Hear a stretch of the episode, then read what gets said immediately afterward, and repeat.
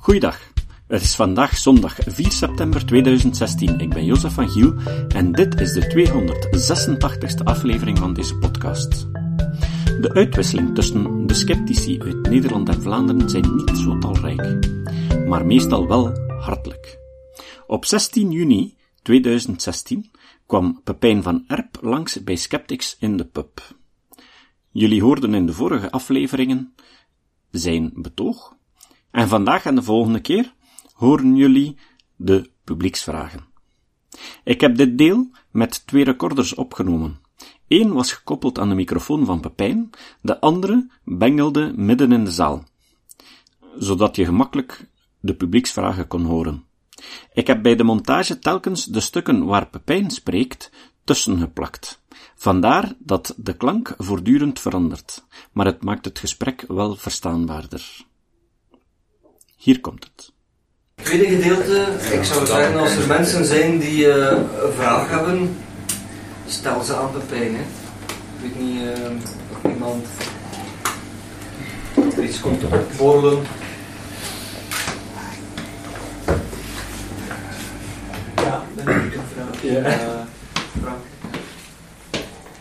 je hebt net verteld van die mensen van Van de Moord. Ja.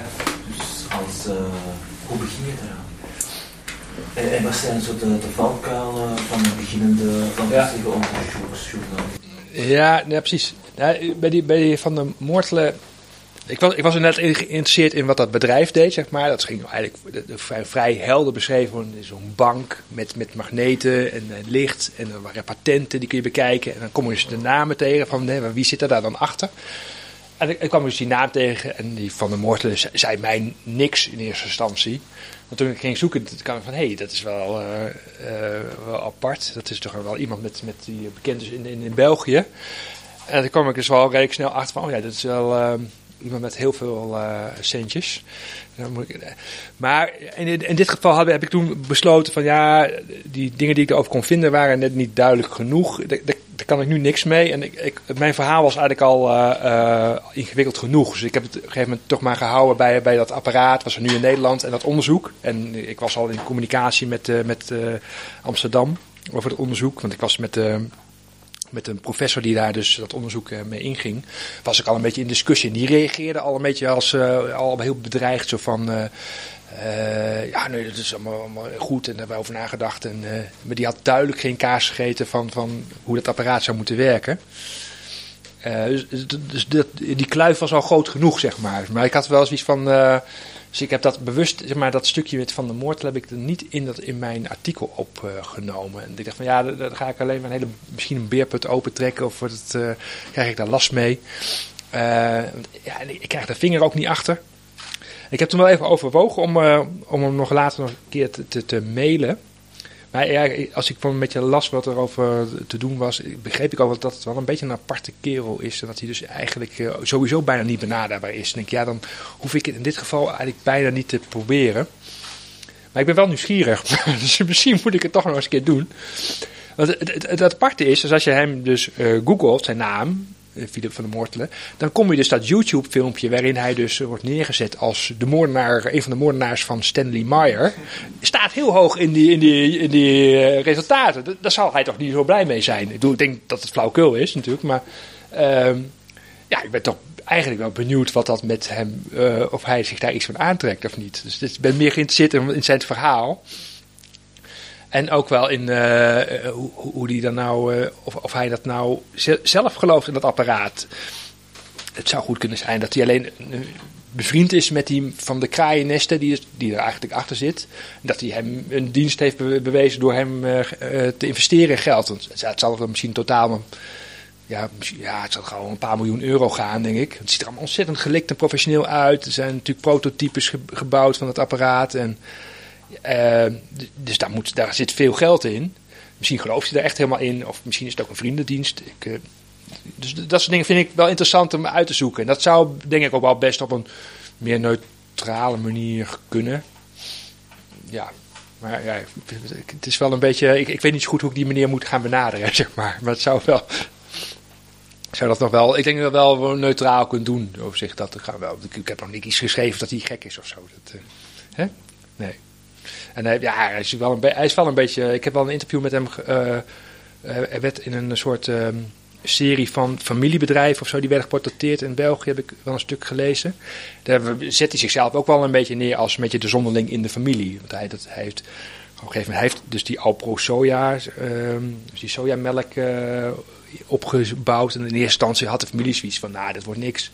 Nou, uiteindelijk is dat een van de meest succesvolle onderdelen van het bedrijf gebleven, gebleken. Dus, eh, maar hij schrijft zelf dat, dat hij al een beetje naar ja, altijd zoekt naar andere wegen. En eh, ja, ja het, lijkt me, het lijkt me wel een inter- interessante persoon om eens een keer te spreken. Maar, ja, maar stap om dat te doen is dan wel even een beetje lastig nog, denk ik. Ja. Maar ik heb niet zoveel. Ik bedoel, in Nederland heb je nog wel een paar andere zeg maar, invloedrijke personen die dus. ehm, ja, misschien niet zoveel geld hebben, maar wel, wel eh, invloedrijk zijn. En die dus ook een beetje in die, in die zweverige hoek zitten. Ehm, ja, bijvoorbeeld eh, de, de, de zus van onze voormalige koningin, dus prinses Irene. Dus dat is de zus van de pri- pri- prinses Beatrix nu. Die, eh, die staat bekend als bomenknuffelaar.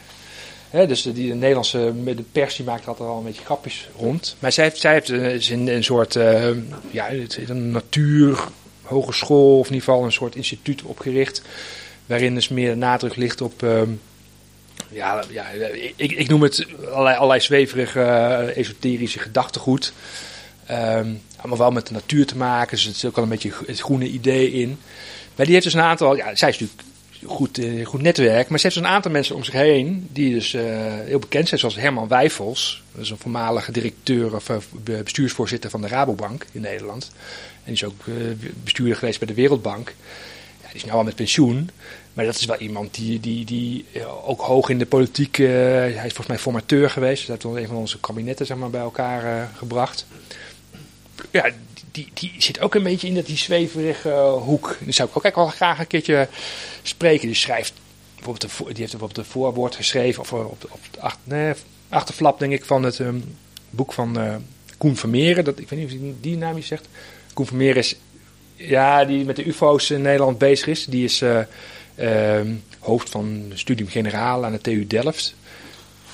En die, en die organiseert daar lezingen. Maar die, die, ja, in mijn ogen misbruikt hij zijn positie door allerlei v- vage vriendjes van hem uit te nodigen om eh, nou ja, dit soort gesprekjes te voeren. Maar dan over eh, eh, iets grotere zalen en, en over eh, vagere dingen. Eh, maar die heeft dus een boekje geschreven over UFO's. Wat, ehm, ja, het, is- echt, eh, heeft geen niveau. Het is echt, echt volkomen onzin. Maar meneer Wijfels, die heeft daar weer een, voorwoord geschreven. Van dat hij het allemaal wel heel interessant vindt en zo. Ik, ja, hoe kan iemand met zo'n statuur eh, ja, zo'n voorwoord schrijven? Daar kan ik eigenlijk niet zo goed bij. Dat zou, dat zou ik hem best wel een keer graag willen vragen. Ehm, ik weet niet of dit helemaal lukt, omdat bij een, eh, Rob Nannega, die, dus, die heeft ooit een keer een stuk geschreven in Scepter, dat is degene hoofdredacteur, dat hij de alle goeroes van, de, de, managementgoeroes van eh Wijfels heeft, helemaal heeft afgekraakt, zeg maar. Dat, ja. Dus eh, Sk- Skepsis zal geen goede naam hebben bij, eh, bij, bij Wijfels. Ik weet niet of ik, als ik mij introduceer als, als bestuurslid van Skepsis, dan eh, hoef ik het niet te proberen, denk ik. Maar dat, is ook wel een beetje van hoe presenteer je. Ik bedoel, als, als, als ik iets wil weten van iemand en waarvan ik het vermoeden heb van ah, die laat het liever niet, niet weten of die doet daar een beetje moeilijk over, dan zet ik meestal niet meteen neer van dat ik eh, van skepsis ben. Dan zeg ik meer, meer, meer eh, eerst instantie onder mijn eigen naam. En dan kom ik later misschien wel terug van ja, maar ik, ik, ik wil er graag een stuk over schrijven. of Zo. Ik probeer het wel een beetje op te bouwen soms.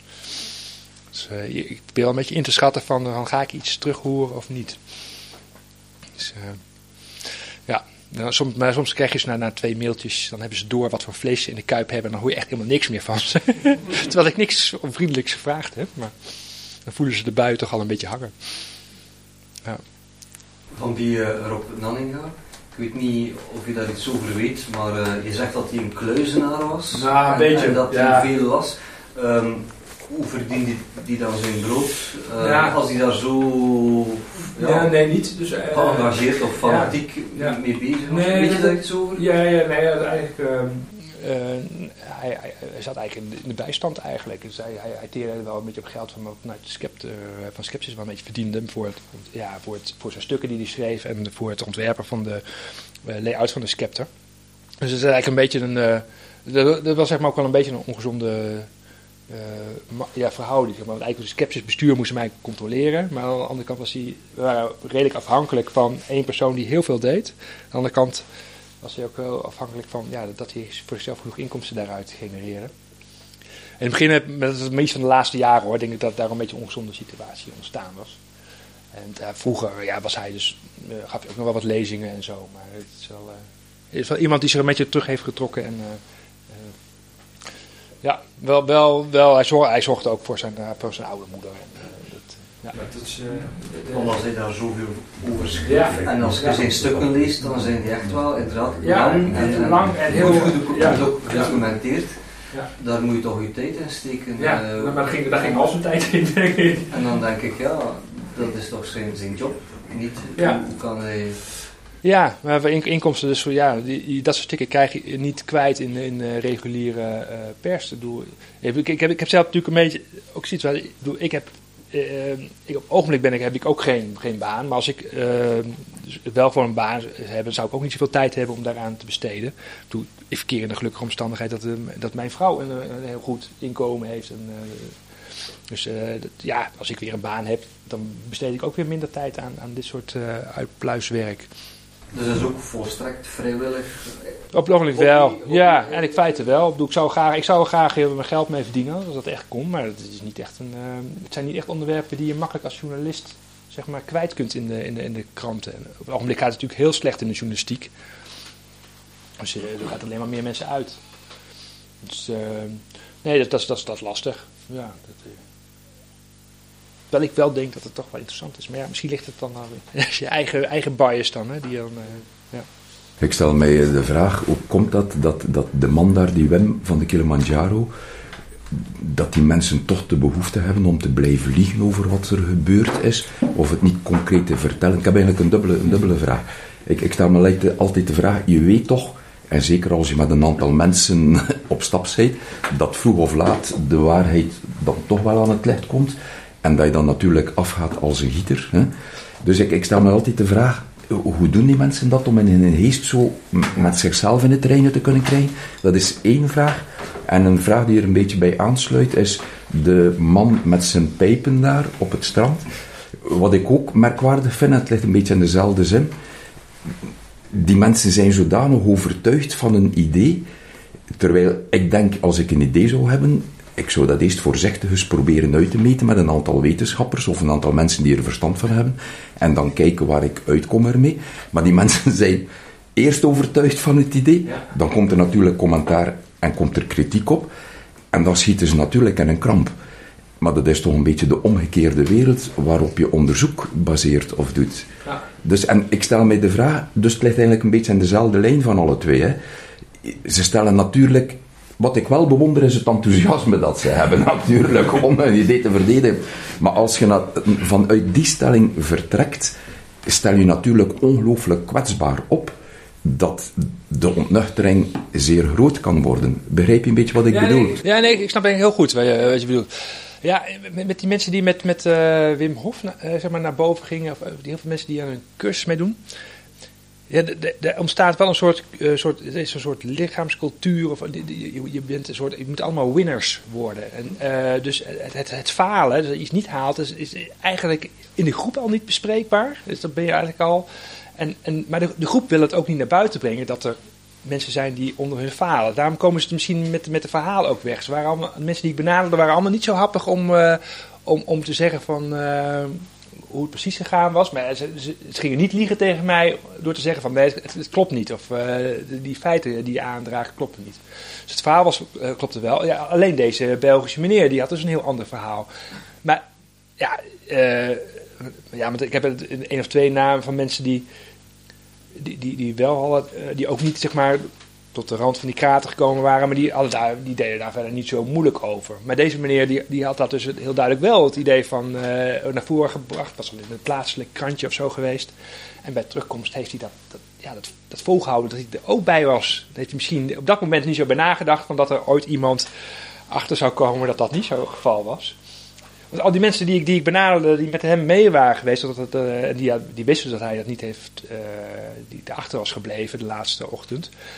Eh, die wisten ook niet dat hij dat in die Belgische krantjes had verteld dat hij wel boven was gekomen. Dus zich, ja, er is ook een redelijk goede kans dat je ermee wegkomt. Maar Eh, Heeft dat met die trots te maken dan? Ja, ik denk het wel. Het is natuurlijk wel een beetje in de persoon, denk ik. En eh, ja, voor Wim Hof, om, die heeft, natuurlijk- had natuurlijk helemaal geen belang bij om dat naar buiten te brengen. Dat, dat doet natuurlijk afbreuk aan zijn imago. Maar ook weer niet zodanig blijkbaar dat, dat hij nu... Ja, hij, hij heeft nu een ander akkefietje. Eh, dus twee weken terug eh, is, eh, is, eh, zijn een aantal mensen is naar buiten gekomen. Dat een aantal mensen die zijn, zijn oefeningen dus heel fanatiek zijn gaan doen. In een eentje. En die daarna ook zijn gaan zwemmen. Dat die dus, zijn waarschijnlijk drie mensen zijn daardoor verdronken. Ja, dus die ademhalingstechnieken, het is een bekend verschijnsel dat je, dat je, als je dus die heel gaat hyperventileren, en dan kun je heel lang daarna je, je adem inhouden en dan kun je gaan zwemmen. Maar je, je kunt dan, eh, eh, eh, ja, ik weet niet precies hoe het werkt, maar dat je onder, onder water en dan eigenlijk oud gaat, dat je dus vanzelf bijna water bent, dat je gewoon verdrinkt onder water. En dat, is een bekend, was al bekend fenomeen hoor. Dus, maar ja, Wim Hof zegt dat, al- zegt dat hij altijd waarschuwt voor dat soort dingen. Dat je dus nooit in je eentje dat moet gaan doen of nooit bij water. Maar er is, er is een soort cultuurtje ontstaan van, van die stoere mannen die dat, die oefeningen doen. eh, heel hard ademhalen. En steeds, eh, je ziet allemaal foto's op Instagram eh, van mensen die dat allemaal doen. En een beetje, ja, van, ja, van die ja, lichaamscultuur is het. Terwijl ehm, de, de, de, de Vereniging Kwakzalverij hamert vooral op dat Wim Hof zeg maar, geen valse hoop mag geven aan, aan, aan mensen met, met, met kanker of wat dan ook. Eh, Het risico ligt misschien veel eerder met al die hele gezonde jonge mannen die heel erg aan hun gezondheid werken. En het, de, de volgende hype in de gezondheidsland willen, willen eh, uitproberen. Dat zijn er nou dus drie mensen die dus ja, overleden zijn, die ja, vermoed wordt dat er wel een verband ligt met, ja goed, Wim Hof zegt dan het verkeerd toepassen van mijn methode. Maar dat is dus twee weken terug eh, is dat naar buiten gekomen. Ja, ik, ja dat is, maar mensen gaan ver in, die, in, die, in, die, eh, in, in, in, dat, stoere, stoere gedrag of zo. Blijkbaar is dat toch wel iets. eh, ik heb er zelf helemaal niks mee, maar.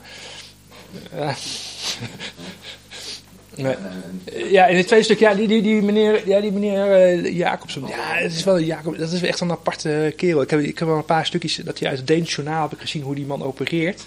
Het is een, eh, bij kritiek is het een schreeuwlelijk. Op een gegeven moment waren ze in Denemarken, wa- was er dus op de kustwacht, ging dus een strand waar ze ook die buizen hadden ingebracht, wat dus niet werkte. Na lange rechtszaken gingen ze die dus verwijderen. Dan hadden ze dus uiteindelijk, ze waren klaar met die man. Stond hij dus op een stukje strand, dat 200 meter verderop, stond hij met zijn eigen machine, stond hij die buizen weer erin te slaan. Dus dat, ja, dit is, is, is gewoon een, een, een figuur, ja. Ja, het is, het is wel een slapstick, ja. Dus, dus dat is echt wel iets met die, met die persoonlijkheid van die meneer die dit ook wel mogelijk maakt. En het, is, het is niet een serieuze iemand die op zoek is naar... eh, Hoe zit het nu eigenlijk? Hè? ja, en hoe dat dan precies zit, of het dat puur doet omdat hij zijn business overeind wil houden of niet, of dat hij echt niet helemaal spoort, dat weet ik niet. Dat vind ik, vind ik soms heel moeilijk in te schatten. Ik heb, wel meer, ik heb wel meer van die mensen die ik dan tegenkom, ideeën. de- sommige mensen denken, ja, volgens mij zijn die echt die zijn wel gestoord. Die weten, eh, maar andere mensen zeggen van nee, die zijn heel, heel slim bezig om de boel te, te, te manipuleren. En, eh, Maar je hebt hier ook, je hebt hier ook ergens zo'n burgemeester zeker, die gelooft dat een, uit vliegtuigen... De, Peter Verreken. wat, wat is dat? Peter Verreken, ja. Hij verleefde twee jaar geleden. De... Gelooft hij dat nog? Ah ja, ja. Ja, ja. ja twee, twee, twee jaar geleden heeft hij de sceptische put Ik hoop dat hij nog bij zijn mening blijft, dat hij Ja, niet ja, ja. veranderd is. Hè? Heeft- Dat En is hij eh, is de eerste in de geschiedenis die zijn prijs is komen afhalen. dat, dat, dat, dat zie ik graag, zulke mensen zien. De trots. Hij heeft, hij heeft Grieks-Latijn gestudeerd, dus dat is echt geen Ja, dat is dat, hè. Dus, eh, Hè? Dus hij blijft nog altijd geloven wat hij vertelt. Ah, maar die, die breidt ook zijn ongeloof uit. De, hij, volgens hem is nu de wereld plat. Hoe zeg je dat, hè? Volgens hem is nu de wereld plat. Ah ja, plat. Heeft hij twee Zes- maanden, drie zes- maanden geleden verklaard. Ah Een ja. paar maanden wel het idee dat, dat Flat Earth, dat hij overwegen en dat, eh, ja. Dat is juist. En wat heeft hij gestudeerd, zeg je? Grieks-Latijn. Dat is geen welke school was dat? Welke school? Dus de school, ik Latijn, als Latinist ga je naar de bronnen. Ja, ja. Iets, iets, iets onderweg is verkast. Maar we, we, we, hebben, dus- we hebben dus met die meneer eh Vermeeren in Delft hebben we een beetje een soortgelijke situatie. Die heeft dan een, ja, een podium waar die dus allerlei andere mensen kan halen om eh, eh, iets te komen vertellen. En de TU Delft die schaamt zich volgens mij kapot voor hem. Maar blijkbaar is het niet zo erg dat ze hem procedures gaan starten om hem weg te krijgen. Maar een, een eh, bekende criticus van hem, die, die ook op de TU Delft eh, werkt, dus Dap Hartman, dus wel, wel in Nederland een hele, geval binnen Delft een bekende figuur. Die zat ook in de, in de, in de toezichthoudende commissie op, op uh, generaal. is op een gegeven moment ook uitgestapt van, nou, die man is niet meer te... Hè, daar kun je niks mee, die luistert nergens naar. En die, vertelde, op, die, was, die sprak op een uh, Skepsis-congres. Die vertelde tussen neus en lippen door dat hij een keer op een uh, borrel van de universiteit, zeg maar, van een jaaropening of zo, dat hij Koen Vermeer had, had aangesproken. En zei van, ja, beste Koen, is er nou iets, zeg maar, waar, je niet in gelooft? UFO's, graancirkels, homeopathie, alles.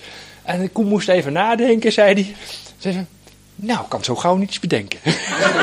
dus ja, is het nou spel of is het nou, ja, ik weet het niet. Ja, twee, drie jaar geleden zag ik zijn boek op de boekenbeurs in Antwerpen.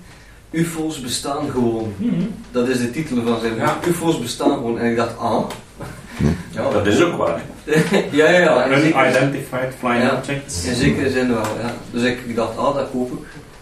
Maar dan, dan haalt hij uh, ja, science fiction schrijvers aan, waarvan iedereen in het laatste hoofdstuk ja, weet dat is science fiction. En hij gaat ervan uit dat dat gewoon echt is. Toch vreemde, vreemde kronkels, hè? Ja, maar met de ondertitel, de ondertitel is dan het belangrijke van het boek, hè? Een wetenschappelijke visie of, of wetenschappelijke benadering. Maar, maar, maar, dat maakt hij dus niet waar. Dat prikkelde mij, ja. en eh, eh, het zijn allemaal hypotheses, veronderstellingen, mogelijkheden, en dan maakt hij de switch van het is zo. Ja. Dat boek is, ja. Maar ja, dat, dat, Zo, dat is ook iets merkwaardig bij zulke mensen, vind ik. Ze gebruiken dan de wetenschap, zo gezegd, ze gebruiken de wetenschap om autoriteit aan hun idee te geven. Maar, ja, maar je mag de wetenschap niet gebruiken om een dingen te onderzoeken. Ja. Maar ze, ze gaan het wel gebruiken om het autoriteit te geven aan, aan hen. En dat vind ik, vind ik dat is ook zo raar, raar. Ja, maar ik heb onlangs nog een getuige van Jehovah gehoord, die, die inderdaad, waarom dat ze geen bloed mogen geven, dan volledig wetenschappelijk wil onderbouwen. Maar als je dan over als ze zeggen, laat ons iets wetenschappelijk onderzoeken, als je niks meer. dingen bent aan te snijden die wetenschappelijk, dan, dan klopt het niet. Ja. Maar als het kan dat ze hun eigen ideeën kunnen ondersteunen via de wetenschap, dan hebben ze het wel een zeer ambivalente houding. Dus dat, ze gebruiken die autoriteit Ja. als ze het kunnen gebruiken. En als ze zegt, laat ons dan een keer wetenschap, dan, dan gaat het niet meer. Ik vind dat zo, dat is daar iets raars aan. Hè? De homeopaten hebben toch een volledig nieuw scheikunde uitgevonden. Ja. Hoe zeg je? Zonder blikken op bloed. Wie? Wie heeft dat? De homeopaten. Ah, ja, ja, ja, ja, ja, ja. ja. Ja, die is dat zo een pseudo-wetenschappelijk tintje, maar het slaat nergens op. Ja.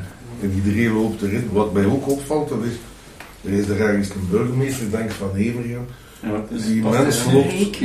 Ah, het is deze wat ik juist vertelde. bomvolle zalen met zijn complottheorieën van 9-11 staan, filmpjes op YouTube. Is dat dezelfde? En als Ja, ja, dat ja. Ah, je gelooft daar ook, hè? Nu zie ik hoeveel dat is hier zit. Dat is Dan vind ik dat geen al te geruststellende constatatie. Dat is. Het is een complot waarschijnlijk. Het is, een complot. Peter Reken verdient daar geld mee, waarschijnlijk. Jij niet. Waarom zit jij hier in godsnaam? En volgende keer horen jullie waarom Pepijn daar nu zit. Het citaat. Het citaat van vandaag komt van ergens op Facebook. Voor zover ik weet is het niet van een bekende persoon, maar wel interessant. Je hebt het recht te geloven dat er feeën in je achtertuin zitten. Maar je hebt niet het recht om me te verbieden om s'avonds laat in de straat achter jouw achtertuin te lopen om de feeën niet wakker te maken. Tot de volgende keer. Deze podcast is het resultaat van het werk van veel mensen.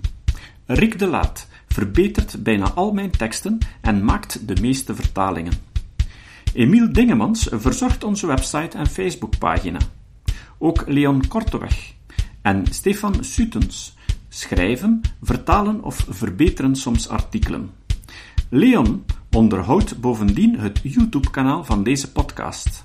De muziek van de intro en de trailer heeft Nick Lucassen geschreven, en soms maken we ook gebruik van muziek van Ad van Nederpelt, die ons zijn prachtige composities ter beschikking stelt. Dit was de podcast Kritisch Denken. Vergeet niet om alles kritisch te behandelen, ook deze podcast. Voor verdere informatie over deze podcast, links en voor de tekst, surf naar www.kritischdenken.info. Als je deze podcast belangrijk vindt, kun je me steunen door anderen warm te maken ook eens te luisteren. Stuur een e-mail naar vrienden met een link naar de website en plaats de link in de handtekening van je e-mails. Tevens kun je op iTunes deze podcast een beoordeling geven of een recensie schrijven. Of je kan op je eigen website of blog een link naar kritisch denken plaatsen.